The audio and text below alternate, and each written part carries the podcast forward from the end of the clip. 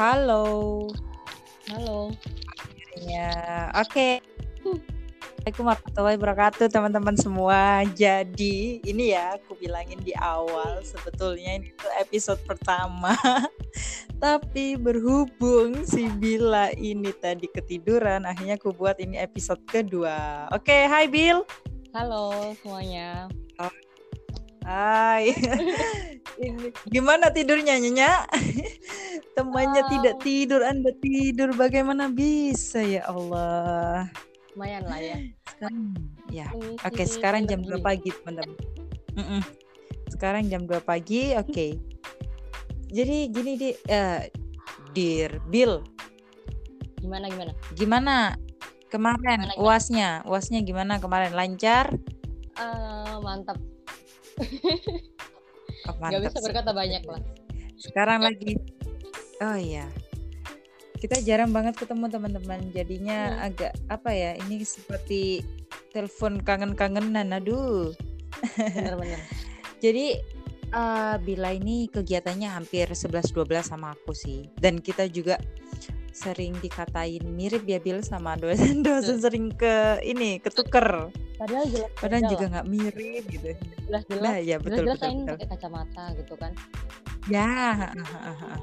Nah, makanya. Oke, kita mulai dari yang pertama. Ini ada beberapa pertanyaan udah aku rangkum Hmm. sih.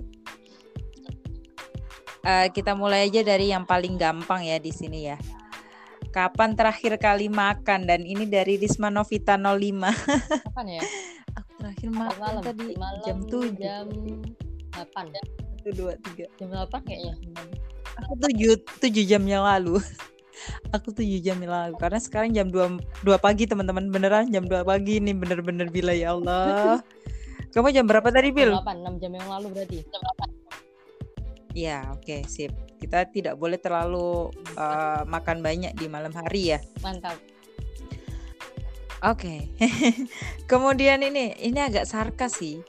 Ini dari temanku Iren DY. Hmm.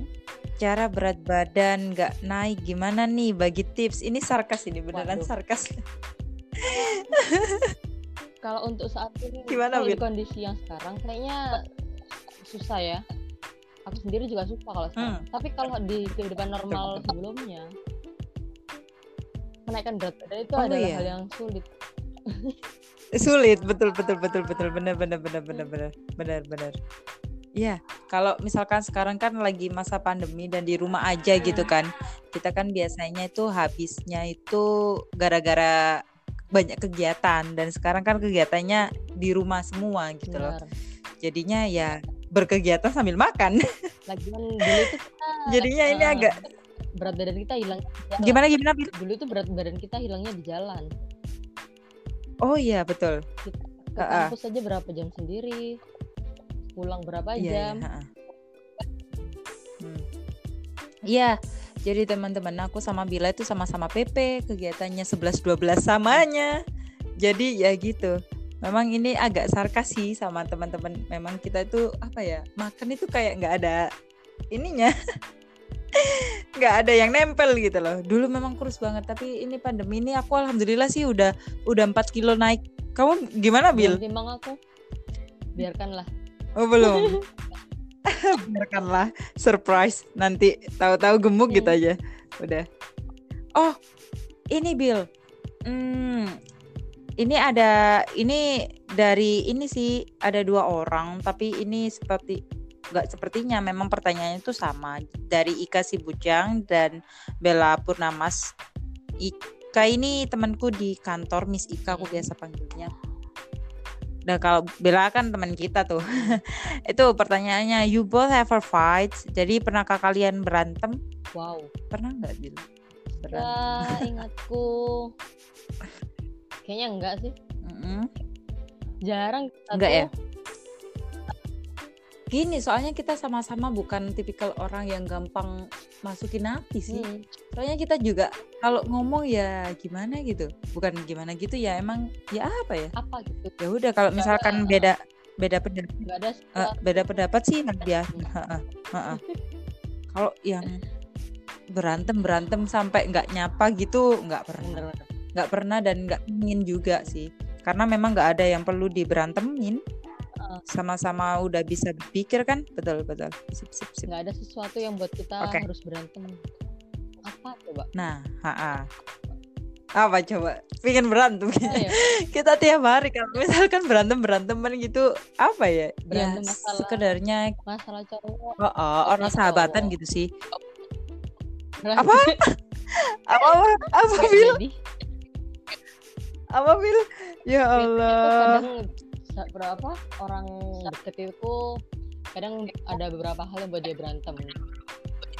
Ah, ah, betul Ya. betul betul. Salah satunya gara-gara cowok. Lah kita apa coba? Iya, ah, ah, ah, ah, ah, ah, ah. Iya sih. Tapi aku dulu sama sahabatku tuh kayak sama si Via, sama terus sama siapa namanya, sama sama Icus. Itu kan dua sahabatku. Kita dulu pernah pernah ini sih, nggak nggak cekcok gitu, enggak. Cuman kalau menurutku kita mengagumi satu orang yang Hmm. sama itu kayak apa ya?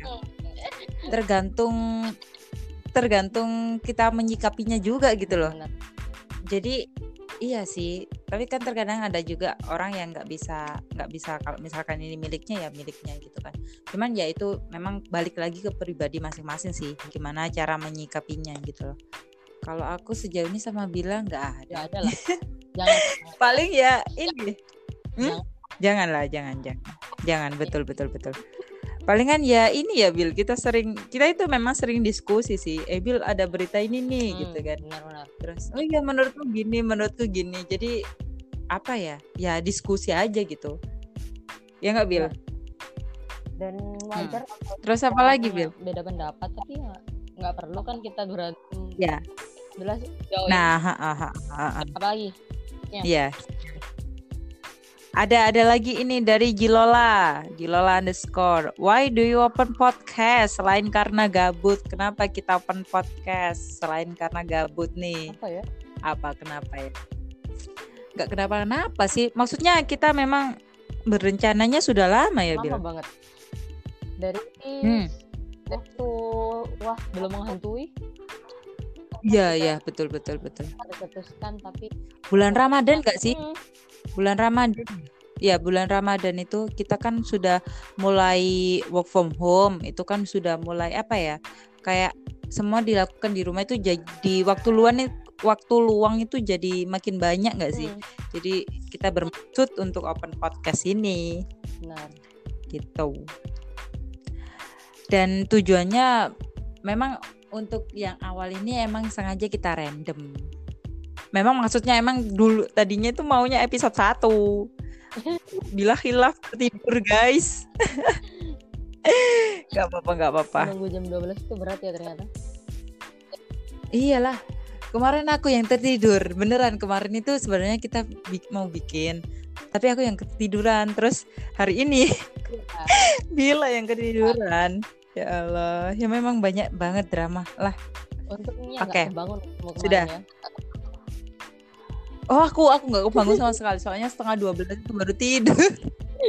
eh eh Bil kamu nggak ada niatan buat telepon juga. Mending aku tadi telepon sampai berapa kali gila lu. Eh, kita Ah. nggak ada pesan kan Ya Jadi aku- Allah. wah aku nggak ada pesan terus nggak ada pesan ke nelpon kamu terus wah ini bener-bener tidur anak ini ya udah Ah, ya sip sip sip.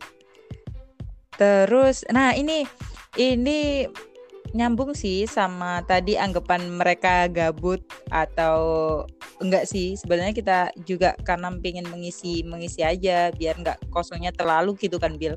Ini ada pertanyaan dari Fauzana Sari Oh, 26 ini Oh, ya tahu ya Bila ya Bila itu ini senior Bila di IMM seniorku di UPBA Mas Tahu. Fauzan ini teman-teman Fauzannya nggak tahu aku aku tahu cukup tahu Iya. Iya iya iya beda iya. fakultas kan Oke. Oh iya beda fakultas, tapi Mas Fauzan alhamdulillah tahu sama aku. ya Kita beda fakultas juga. eh, apa ya Mas Fauzan lalu apa udah agak atas banget dan Mm, mm, mm, nggak mm. terlalu kenal Mm, mm. cuman tahu aja Iya, beliau Iya, beliau sekarang di UI kan, di UI master degree-nya di UI. Gitu. Jadi jarang banget ketemu juga. Ini pertanyaannya suka kayak gini, Bill. Apa yang asik dilakukan di musim lockdown gini maaf guys. Apa yang asik dilakukan di musim lockdown gini kalau sendiri di rumah aja dan no internet? Gimana Bil kamu Bil? Aku ya. Mm-mm. Hmm, kalau jawaban apa ya? Kalau nggak ada internet, ya sebenarnya TV, TV internet bukan sih? TV gadget bukan? Mm, tergantung sih. Enggak, enggak, bukan, bukan, ya? bukan. Kalau Bukan. TV, TV yang berantena kan bukan ya? TV biasa, iya, ha, ha, bukan, bukan, bukan. Ya selama masih ada media lain sebenarnya kan apa ya? Happiness is created kan? Bahwa sebenarnya Yes, good. Nah, jadi menciptakan bahagia di dalam rumah Ah, ah, itu. Banyak sih. Walaupun sekarang mungkin medianya kita lebih banyak di HP, kita mencari hiburan banyak di HP. Iya. Tapi sebenarnya uh, kita juga bisa menggali hobi gitu loh. Kayak apa ya? Kayak misal kita hobi baca novel nih. Mungkin kalau biasanya hmm. uh, suka baca novelnya PDF atau yang e-book gitu, kita bisa lah beralih ke yang hardbook gitu. Karena emang sebenarnya Iya. baca buku hardbook itu lebih lebih mengasihkan dan bikin mata juga nggak sakit dan apa ya kesannya juga lebih lebih apa ya lebih ngena gitu ketika kita baca hardbook dan juga uh, biasanya kita cewek-cewek nih ya atau enggak hanya cewek biasanya bahwa kadang ada di perawatan kulit lah apa ya apa ya memanjakan kulit memanjakan badan. Iya, betul, betul, betul. kemudian Skincarean. sekarang eh. juga uh, eksperimen di dapur. Bermacam-macam Oh iya, Ainun juga gitu kan iya betul. Nah, Jadi selama selama pandemi ini gitu teman-teman, apa skill masa alhamdulillah lah. Maksudnya bisa diasah gitu kan. Dan lagi bener tadi kata Bila, kita bisa apa baca novel dari yang ebook bisa jadi hardbook selain yang disebutkan Bila tadi juga kita bisa dengan membeli hardbooknya itu tadi kita juga menghargai hmm, penulisnya betul, juga betul. gitu loh. Jangan gratisan aja. gitu kan. Nah, terus selain itu juga kalau dari aku bener juga skincarean itu mungkin buat cewek-cewek karena ini yang tanya cowok em, menulis mungkin kalau misalkan menulis ya se- kalau misalkan nulis adalah hobinya dan ini aku pernah baca Mas Fauzan ini termasuk penulis buku juga teman-teman. Jadi waktu itu aku pernah dikasih bukunya yang launcingan pertama kalau nggak salah oh ya itu masalah oh, tensi. oh, tensi. Ya, ya yang waktu itu kita diskusi sama Amir juga ya waktu itu ya. Mm-mm, IMM juga. Jadi itu luar biasa juga. Dan itu mungkin bisa yang hobinya menulis bisa menulis, yang hobinya masak bisa masak, terus kemudian dan apa ya memanjakan diri. Betul betul Nah, betul. Kayak gitu tadi. gambarannya seperti itu- itu sih. cowok itu biasanya banyak yang suka kayak apa ya mendesain dan lain-lain. Musik gak sih? Oh nggak musik. bisa ya betul Nah, betul aku tuh kan dulu musik. apa ya ya pernah kan berasrama enam tahun. Di mana enam tahun berasrama itu Mm-mm, udah berasa lockdown gitu kan kita nggak ada internet kita ya di dalam Iya. ruangan situ nggak bisa keluar ke mana-mana isinya di situ lah hidup kita. Bedanya mungkin iya dulu betul. kita banyak teman jadi ketika nggak ada gadget dan lain-lain itu bukan sesuatu masalah yang besar gitu loh. Kita punya banyak teman kita bisa berbagi cerita oh mungkin iya. salah satu Iya. aku dulu ketika aku di asrama ketika hari libur nih ya kita biasanya kan gabut nggak ada kunjungan nggak ada kegiatan apa apa biasanya kita tuh Mm. ngedesain ngedesain kamar gitu ngedesain kamar. Kita bikin Oh. medding kita bikin medding mini medding di dalam kamar itu. Jadi kita beli styrofoam kita beli cat kita beli stiker. Jadi kita desain mini mini apa namanya? Mini mini medding jadi di sana kita tempel Iya. foto tempel nggak tahu tahu iya iya, betul betul betul our target our dream. Ya Pak. wah ha, ha. dan aku ingin sip sip sebenarnya sip eh, menerapkan itu ketika di rumah tapi nggak tahu ya. Ngedekor ya? Lah. Eh, ngedekor. Mm-mm. betul betul. Ya itu tadi ngedekor tempat kamar kita gitu. Kalau misalkan tadi banyak yang kalau misalkan ada orang atau banyak banyak temen nggak sendirian bisa juga yang kayak yang bila bilang masalah ngedekor kamar tadi kalau misalkan banyak temennya gitu kan. Iya sih memang kalau misalnya kita memang apa ya bakal merasa paling sendiri tuh ya itu tadi eh, ketika ada di rumah sendiri kemudian gak ada internet karena kan memang orang-orang sekarang itu pada bergantung pada internet. Iya nggak sih, Will? benar sekali nah, Mm-mm. bisa gitu terlepas Dan bisa terlepas ya, dan itu kayak apa ya? Sosial media sekarang itu jadi ad- addiction gitu loh. Hmm, Apa ya? Banyak orang yang kecanduan sama sosial media juga. Karena memang ya itu tadi eh teknologi itu luar biasa. Luar biasa, benar-benar luar biasa. Ya teknologi sudah menuntut menuntun menuntut kita juga untuk selalu up to date terhadap perkembangan Ya. Mm-mm, terlewat sedikit kita sudah sudah terlindas lah ya istilahnya Iya. tertinggal jelas.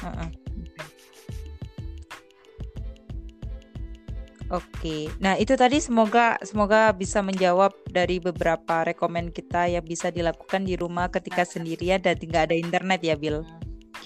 Nah, kemudian ini agak jauhan masalah eh, tips agar bisa tampil percaya diri. Ini dari Silminda. Wah. Tips agar bisa tampil percaya diri. apa ya Gimana Bill? Kamu ngemoderatori banyak orang gitu kok. Kamu moderator. tapi kalau Pernah MC nggak bilang? kenal Oh, tapi sepertinya tingkat kepercayaan diriku belum setinggi Ainun deh kayaknya Astagfirullah. Aku ini terlalu over pedenya kayaknya. Aku percaya diri kadang tapi Hmm? sometimes sekali memang aku percaya diri tapi sometimes ada lah di beberapa situasi beberapa buat aku tuh kayak ngerasa wah ini ini terlalu buat aku terlalu begini buat aku jadi kadang ciut gitu ada di suatu di beberapa tempat seperti itu kadang cuman Iya iya iya, betul kalau betul betul. untuk tips percaya diri mungkin apa ya kadang yang buat kita nervous dan lain-lain itu adalah pikiran kita tentang orang lain maksudnya Nah betul betul banget betul banget. ketika kita, ketika misalnya moder apa nge-MC atau kita presentasi nih Iya. maksudnya kita presentasi kita terlalu apa ya memikirkan bagaimana nanti tanggapan orang tentang penampilanku dan itu oke Iya. sebenarnya kayak gitu oke cuman Mm-mm. lebih over gitu kan kita juga Iya betul betul. eh, udah praktek aja lah praktek aja. Kita yang penting sebelum kita nanti tampil kita harus mempersiapkan diri dengan sebaik mungkin. Jadi kita sudah tahu poin apa yang mau kita sampaikan kita sudah jelas tujuannya kita berada di depan mereka apa kita sudah jelas isi yang mau kita sampaikan ke mereka apa.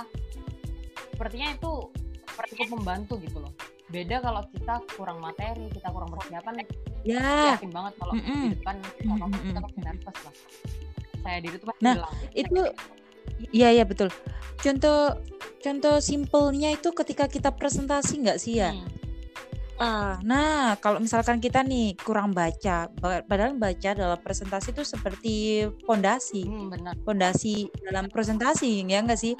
Kalau misalkan kita kurang kurang baca, kita ketika maju di depan orang pun bakal kelihatan banget kalau nggak well pre well prepared gitu loh. Mm-mm. benar karena aku rasa Sama ini, Eh, apa gimana Mm-mm. sama apa nggak nggak, kamu dulu aja. Iya, udah udah gimana? Kerasa kamu? Iya. Heeh. nah Em, gini dan ini kalau menurutku juga sih perlu latihan juga bertahap juga sih hmm, ingat nggak dulu ketika kita ada materi spoken class itu kan kita dituntut benar-benar dituntut iya. untuk bicara bahasa Inggris di depan orang. Nah itu untungnya lecturernya kita itu menuntun kita itu dari yang dasar mulai dari ngobrol sama diri sendiri pakai recording kemudian nanti naik sama video naik lagi ke presentasi beneran gitu nggak sih? Jadi itu ada step by stepnya juga.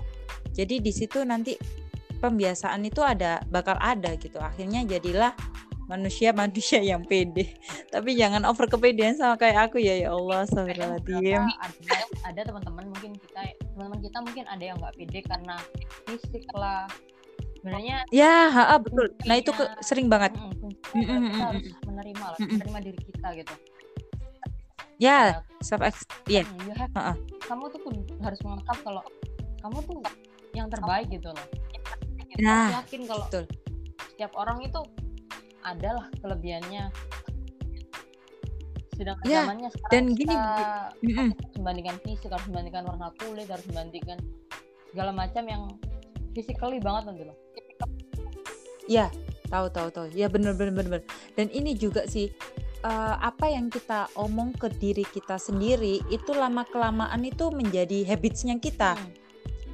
Jadi kayak gini aku pernah pernah baca bukunya buku psikologi ya. Hmm. dia itu masalah self talk jadi berbicara kepada diri sendiri. Kita berbicara kepada orang lain mungkin sehari bisa 20.000 kata. Tapi kepada diri sendiri itu tiga kali lipat 60.000 kata.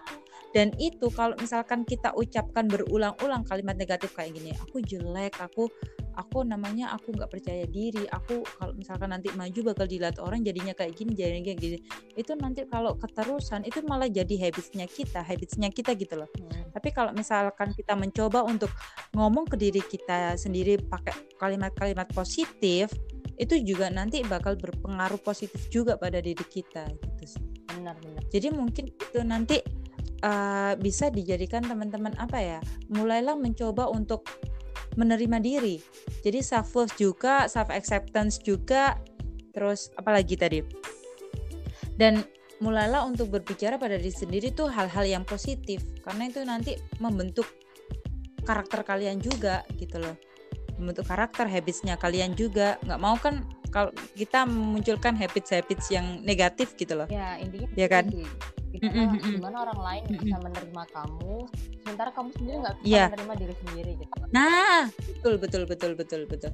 Dan itu tadi ya teman-teman. Jadi fondasinya dari percaya diri yaitu tadi cintai diri sendiri dulu, mulai menerima diri karena pikirlah bahwa eh, kamu ini kamu adalah orang apa ya orang yang diberi kepercayaan untuk menyampaikan sesuatu misalkan itu untuk disuruh menyampaikan sesuatu ya Mm-mm. jadi pastikan kamu itu terlalu ngomong ke dirimu bahwa kamu itu memang orang pilihan yang terbaik gitu loh. Jadi agar memunculkan jiwa-jiwa percaya diri tersebut gitu. Ha-ha. atau Oke, sip. sebenarnya yang Gimana gimana? kamu yang Ya. berapa kali kamu post di story kayak misal misalnya Apa? kamu ditunjuk misal untuk menyampaikan sesuatu Oh ya betul Kayak betul betul betul. seseorang menunjuk kamu itu bukan Uh-uh. karena bukan karena Nah, ha-ha. apa tapi memang karena kamu bisa gitu kan nah itu. Ya betul. Aku sampai nggak inget. Bila yang inget wah, kamu mantep Bila. karena kamu Jadi iya teman-teman kalau iya ya gimana gimana? udah udah Jadi gini, eh, aku inget banget dulu itu pertama kali pertama kali disuruh MC Mm-mm. nggak pernah nggak pernah nggak pernah MC dulu itu semester berapa ya Bil? Semester satu di liburan semester satu pokoknya. Itu baru per- ketemu sama Nadira. Nama kita kembar ya ini Nadira gitu. Ya. Nadira itu sama-sama MC waktu itu langsung di chat itu baru baru masuk di UPBA sih masih jadi maba kan terus di chat adek bisa nggak nge-MC pada waktu itu aku aku bilang aku nggak pernah nge-MC mbak. Loh nggak apa-apa nanti bakal ada coaching gitu kan. Kita lihat eh, dari kamu berbicara gitu kan. Langsung aku bilang oke gitu kan. Maksudku ketika saya sudah bilang aku nggak pernah nge-MC tapi beliaunya bilang iya saya tahu tapi saya melihat dari cara berbicara kamu. Dan itu kan menunjukkan bahwa orang-orang tersebut memilihmu bukan karena asal pilih gitu loh mereka percaya pada kamu bahwa kamu ini bisa bener gitu loh. Jadi eh, eh, jadi jangan sampai teman-teman nanti kalau misalkan diberi kesempatan untuk tampil atau kesempatan untuk MC kesempatan untuk menjadi moderator dan sebagainya teman-teman menolak. Padahal orang yang memilih kalian semua itu adalah eh, orang-orang hebat juga yang tahu kemampuan kalian gitu loh. Dan pastinya orang-orang tersebut nggak apa ya nggak membiarkan kalian eh, tampil tanpa briefing apa-apa gitu loh. Ya nggak sih? Ya kan? Mm-mm. terus apa lagi Bill masalah percaya diri. Apa? gimana? Apanya? Pertanyaan? Kamu mm-mm. ada nggak tambahan lagi? Ada dan how to keep stability our iman. Wah gimana itu Oh, ini lebih tepatnya ditanyakan kepada Ketua Umum IMM, guys. Mbak Bila, ya Mbak Bila. kita kita harus sama-sama jawab ya karena keimanan itu Iya. yang bisa mengukur itu diri kita sendiri gitu. Kita yang bisa Iya iya betul betul betul betul betul. harapan betul. kita kadang kadang ada kita ngerasa bahwa kita jauh banget sama Allah kadang ada Iya. kita ngerasa kita deket banget deket banget sama Allah Ya Allah. jadi Siap siap. yang bisa mengukur dan bagaimana ketika kita merasa jauh sama Allah itu ya pasti kita punya lah ada karena Iya. uh, setiap orang itu mendekat kepada Tuhan itu dengan caranya masing-masing dengan caranya masing-masing Iya betul cuman betul betul. dari aku ya uh, apa ya? Iya. kalau kita sebenarnya aku punya satu ayat sih yang selalu aku bahas. Ini aku kenal ayat ini juga di IMM sebenarnya. Aku benar-benar kenal ayat ini benar-benar bedah ayat ini tuh ketika aku di IMM itu ada di Ali Imran ayat 110 di situ dijelaskan bahwa dijelaskan bahwa ada tahapan sebelum kita dikatakan beriman itu adalah uh, amar ma'ruf nahi mungkar jadi sebelum kita dipastikan kita beriman hal mendasarnya adalah amar ma'ruf nahi mungkar jadi ketika kita sudah beramar ma'ruf pasti uh, maksudnya ketika kita sudah berbuat baik pasti kita akan berupaya untuk meninggalkan hal-hal buruk yang lainnya nah ya, Iya betul berupaya betul betul betul sih. dan berbuat hal baik itu yang meningkatkan iman kita malah dulu kalau ustadz aku Mhm. ketika di asrama bilang ada ribuan ayat di Al-Quran. Tapi ada beberapa ayat yang awalannya adalah ya ayuhaladina amanu di mana wah- Iya betul betul betul. tulisannya wah eh, wahai orang-orang yang beriman. Begitu banyak ayat yang menunjukkan ini itulah sebenarnya kunci kita untuk meningkatkan iman. Seperti uh, perintah puasa, sholat puasa, enggaknya seperti itu. Bahkan ketika seorang aktivis turun ke jalan membela rakyat itu juga suatu ibadah gitu. Ya, hmm, betul betul betul. Ketika kita Ha, ha, ha, seorang Ainun mengajar uh, murid itu juga sebenarnya suatu ibadah gitu kan. Nah, Bagaimana kita ha, ha, ha. berniat di dalamnya itu. Cuman uh, Masya Allah. yang mungkin bisa kita lakukan adalah kadang aku ngerasa jauh itu kalau aku benar-benar ngerasa pernah lah ada di satu momen aku kadang kita keras Iya, aku juga pernah sih. tuh Ha-ha. semua kadang semua urusan itu berantakan kadang Nah, iya betul. benar-benar ngerasa Betul banget, di situ Ya Allah. sepertinya Allah menjauhi kita gitu kayak semua hal yang aku lakukan sepertinya salah gitu di situ biasanya Ha-ha. memang aku kayak sepertinya sedang jauh aku jauh dari Al-Quran mungkin sholat mungkin aku hanya Hmm. formalitas sholat lima Hmm. waktu gitu. jadi tambah apa ya, Iya, gimana ini ya Allah. Iya Kalau betul betul. aku selalu ditegur itu kamu sama anak SD itu sama gitu loh Iya. kamu bisa sholat lima waktu kamu bisa baca Quran kamu bisa puasa tapi masa kamu yang udah bisa berpikir lebih nggak mau beribadah lebih kamu udah tahu sholat tahajud kamu udah Hmm. tahu sholat kamu udah tahu sholat puasa sunnah kenapa nggak kita tingkatkan itu gitu. Walaupun aku sendiri pun sebenarnya masih berusaha ya untuk memaksimalkan itu karena Iya. jujur ketika ada di rumah maksudnya kalau dulu di asrama mungkin terkontrol ya sekarang harus Iya. kesadaran sendiri dan itu memang sulit membangun kesadaran Nah, sendiri. betul sih. Ya. Heeh. Harus benar-benar kesadaran. Soalnya ini juga banyak sih apa namanya cerita-cerita gitu. Bila kan dulu dari pondokan gitu kan. Teman-temanku juga beberapa ada ya ada yang dulunya mondok. Itu ketika pulang pun sharingnya seperti itu. Ketika di pondok itu memang kita terkontrol ya. Sangat. Jadi sholat, terus segala macamnya itu semuanya terkontrol. Tapi ketika sudah pulang ke rumah itu seperti apa ya? kayak burung Ya, dilepas dari kita harus bener-bener iya bener-bener bener-bener apa namanya mengontrol diri kita. Hmm, sholat harus tetap sunnahnya juga segala macem gitu kan. Bener. Ya sih bener-bener gitu. Makanya ketika anak pun Iya, dan ibadah itu bukan suatu apresiasi gitu karena mereka Iya. mengontrol. Justru yang harus diapresiasi adalah iya yang bisa mandiri membangun ya self awareness lah ya akan kebutuhan rohaninya itu. Itu yang harus Nah.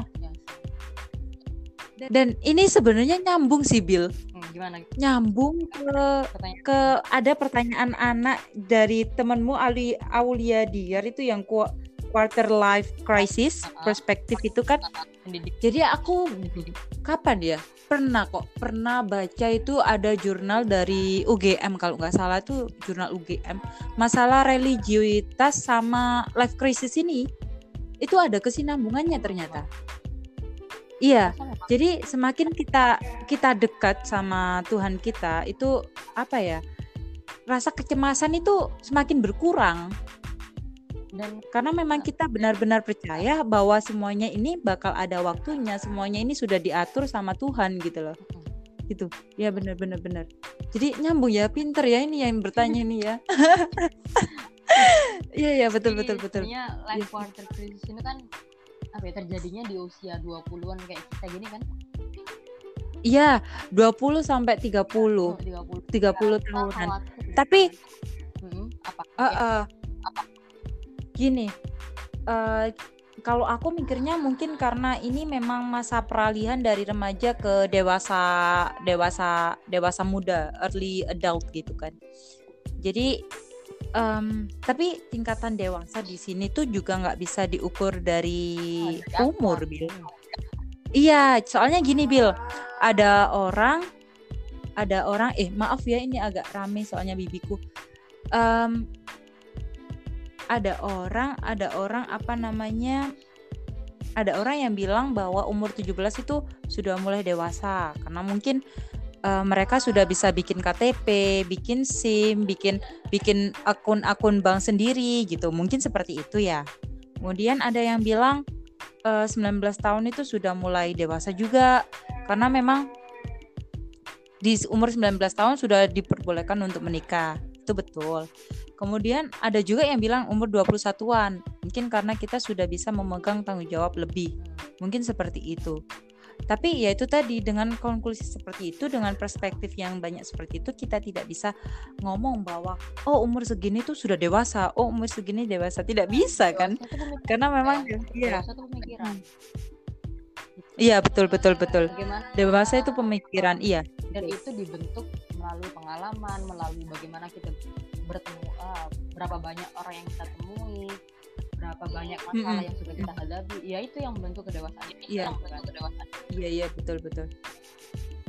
nah Jadi teman-teman, mungkin teman-teman ini eh agak menambahi tadi yang dibilang bila quarter life crisis itu apa ya eh, seperempat abad umur manusia gitu loh.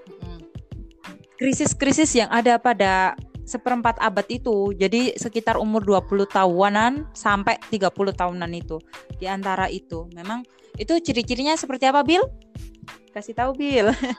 Kamu tahu banyak ini. wah iya juga sih bukan orang psikologi juga ya Iya Nah, sih. cuman mungkin Uh-uh. apa ya kita terlalu takut lah overthinking terhadap masa depan Ya, kita takut mm, betul. dunia yang zona selanjutnya lah ibaratnya kita kayak khawatir banyak menemui kesulit, kesulitan banyak menemui kendala dan Iya. lain-lain dan itu takutnya kita berlebih gitu Nah, itu eh, mungkin contoh simpelnya itu ketika ini bertanya-tanya pada diri sendiri kapan menikah, kemudian kapan punya properti dan lain sebagainya ya enggak sih? padahal kan tanaman itu tumbuh dengan cara berbeda gitu kan setiap tanaman Nah, berbeda.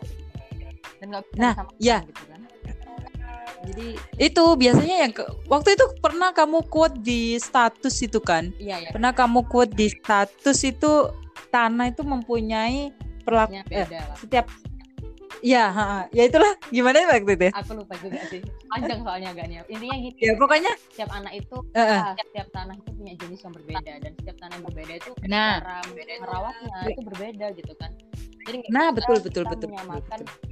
Tanah ini bisa ditumbuhi tanaman ini tanaman yang lain nggak mesti bisa gitu kan jadi harus Iya. sesuai sama jenisnya dan kita yang tahu gitu Betul. kita seperti apa itu kita nah tapi ini pertanyaannya ke perspektif pendidik nih gimana dong Iya, perspektif pendidik. Sebenarnya Ah. ini tugas apa ya ini sebenarnya pertanyaan besar sih selama 12 Iya, betul. 12 tahun Bener. sekolah maksudnya kan memang terjadi di 20 tahun tapi Iya. sebenarnya bagaimana background kita itu juga melatar belakangi kenapa kita bisa live quarter crisis gitu kan Nah, ha, ha, ha, nah background Iya kita sih, adalah betul, betul, betul, betul. sebelumnya gitu kan di mana sebelum kita Iya. usia 20 tahun kita sudah menempuh SD SMP dan SMA nah di situ sebenarnya Mm, mm, mm. kadang memang in- aku pernah lihat di YouTube ya YouTube-nya orang luar aku lupa juga namanya intinya intinya di berbagai jenjang sekolah itu nggak ada satupun yang mengajarkan bagaimana mengelola stres bagaimana eh, Oh, nggak ada jadi iya. kayak apa ya sekolah itu Iya, iya. hanya menyampaikan materi yang Materi. yang memang sudah Nah. tertera dalam kurikulum gitu kan sekarang Mm, mm, mm, mm. saya itu mendapatkan ilmu bagaimana kita mengelola stres karena di usia kita sekolah dulu stres itu hal yang minim gitu kan kita mengalami stresnya adalah Iya. ketika ya seperti di usia seperti ini memang banyak stresnya di usia Iya. dan kita Soalnya tahapan manusia. Mm. Gimana gimana Bil? ya karena dulu kita nggak diajarkan gimana mengelola stres jadi ketika kita Iya. menemui usia 20 seperti kita apa ya kaget lah ibaratnya wah aku nggak pernah nih di situasi kayak gini gitu kan Iya. Itu soalnya memang ketika kita masih kecil kita eh, dalam ada sih juga ini kalau nggak salah teorinya Erik Erikson dari psikologis juga. Hmm. itu tahapan manusia gitu loh. Tahapan manusia eh, pada akhirnya juga melatar belakangi itu tadi life quarter gitu quarter life crisis gitu kan. Dan itu juga apa namanya benar yang kamu bilang tadi Bel.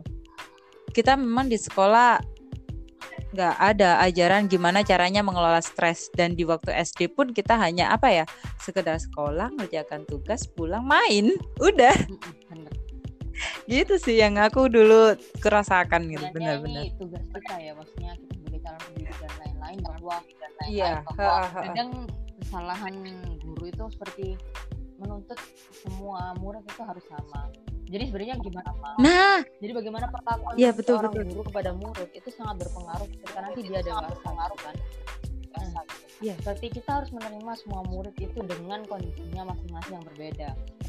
Iya betul betul betul, jadi ini enggak sih apa yang selalu kita kita rasakan itu seperti cutting creativity enggak sih? Mm, mm, mm, mm, benar. Jadi kreativitasnya anak-anak itu di-cut semua sama harus sama eh, eh, betul betul betul. Harus. Iya iya iya betul.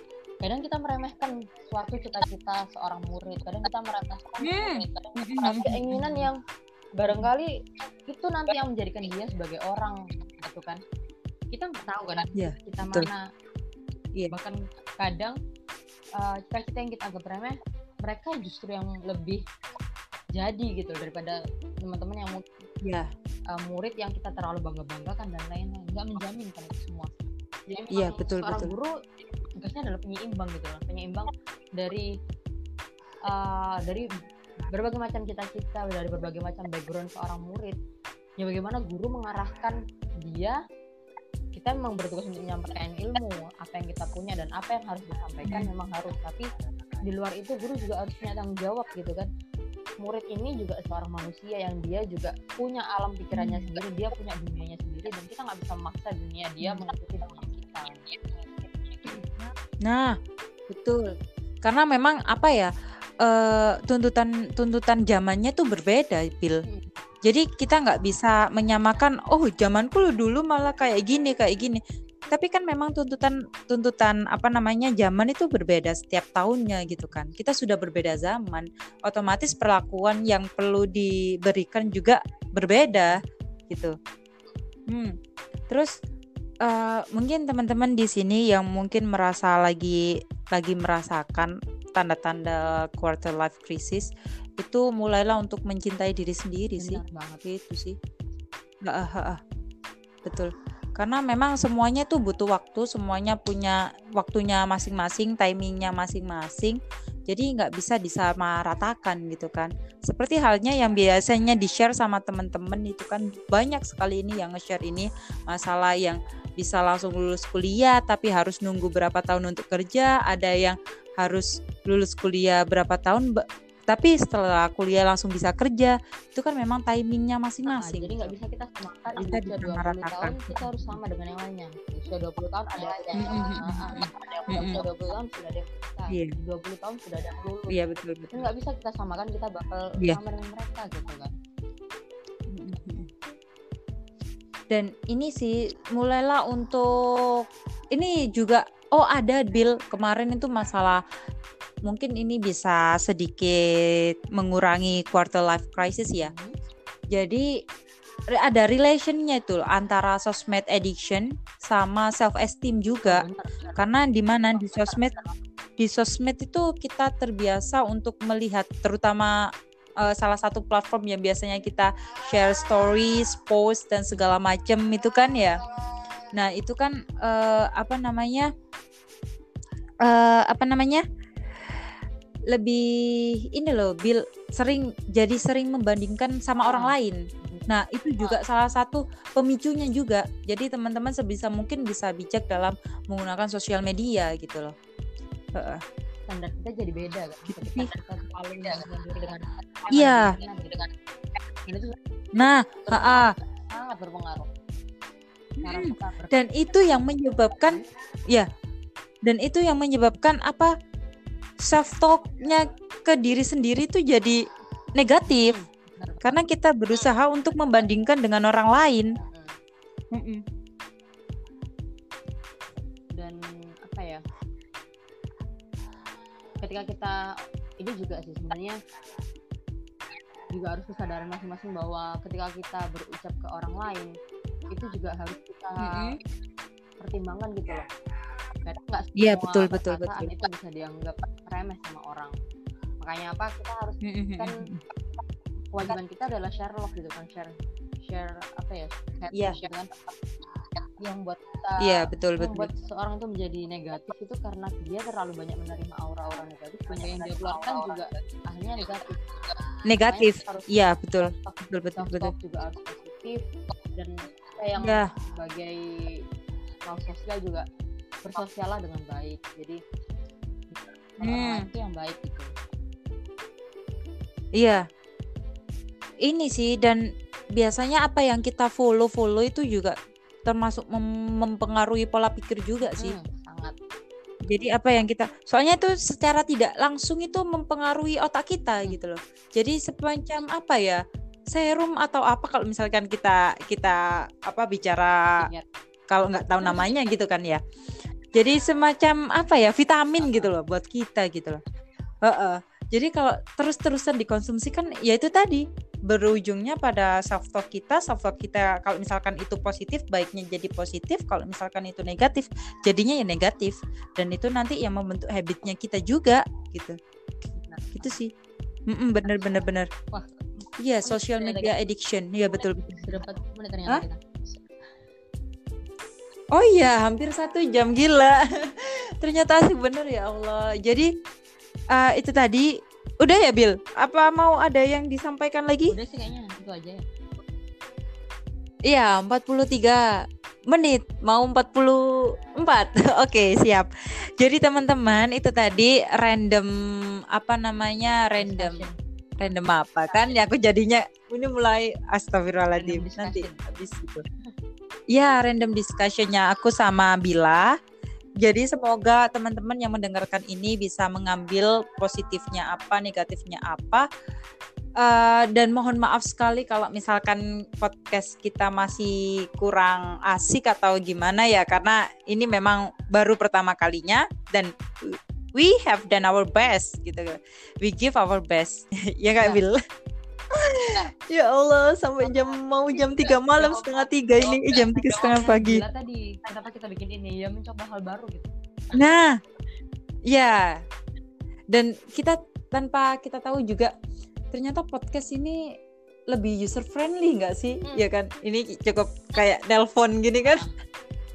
kayak nelpon bahas terus dikirim. Kita yang punya okay. permasalahan pada percaya diri. Sebenarnya ini bisa loh dijadikan satu, nah, satu platform ya pemikiran banget. satu platform kita betul betul betul. mengasah diri lah sebelum nanti kita tampil dengan muka. Karena kan ini cuma suara aja gitu kan. Ya Nah, itu betul banget, betul banget. Jadi untuk teman-teman semua, ini juga tadi menyambung dari percaya diri juga. Kalau misalkan mau latihan juga, ini bisa menjadi ajang juga kan ya. Tanpa menunjukkan muka kita cukup suara kita melatih percaya diri kita. Nanti kalau misalkan memang sudah sudah apa namanya dirasa percaya diri nah itu nanti bisa dicoba ke jenjang yang lebih tinggi gitu. Ya betul betul betul banget ini. Sip sip oke Sudah. Sudah. Ternyata Sudah sudah setengah tiga lebih. Setengah tiga pagi teman-teman. Selamat pagi semua. Morning. Habis ini kita harus ya nunggu subuh lah, nunggu subuh terus. Habis apa kegiatan apa Bil hari ini nanti Bil? Ya, menyelesaikan laporan sepertinya. Nah, Oh iya laporan. Aku iya ini mau selesai juga lagi mau proses nyelesain KKN ku yang tinggal separuh. mantap. Nanti juga harus ngajar. Oke Ya, buat sip. teman-temanku juga semangat Mantap. KKN-nya. Oke. oh iya teman-temanku yang KKN reguler semangat untuk kalian semua. Semoga diberi kelancaran. Semoga mengharapkan Ya, kita ambil positifnya. Bisa ketemu lah ya walaupun virtual. Ya, virtual. ya siap siap. Ya gitu tadi teman-teman semua. Kami eh, aku dan bilang mohon maaf kalau misalkan ada salah kata atau gimana. Insya Allah kita akan bikin episode yang selanjutnya. See you. Dadah. Bill, salam dulu Bill. Oke, pamit dulu semuanya. Wassalamualaikum warahmatullahi wabarakatuh. Wabarakatuh. Dah. Thank you. Thank you for listening.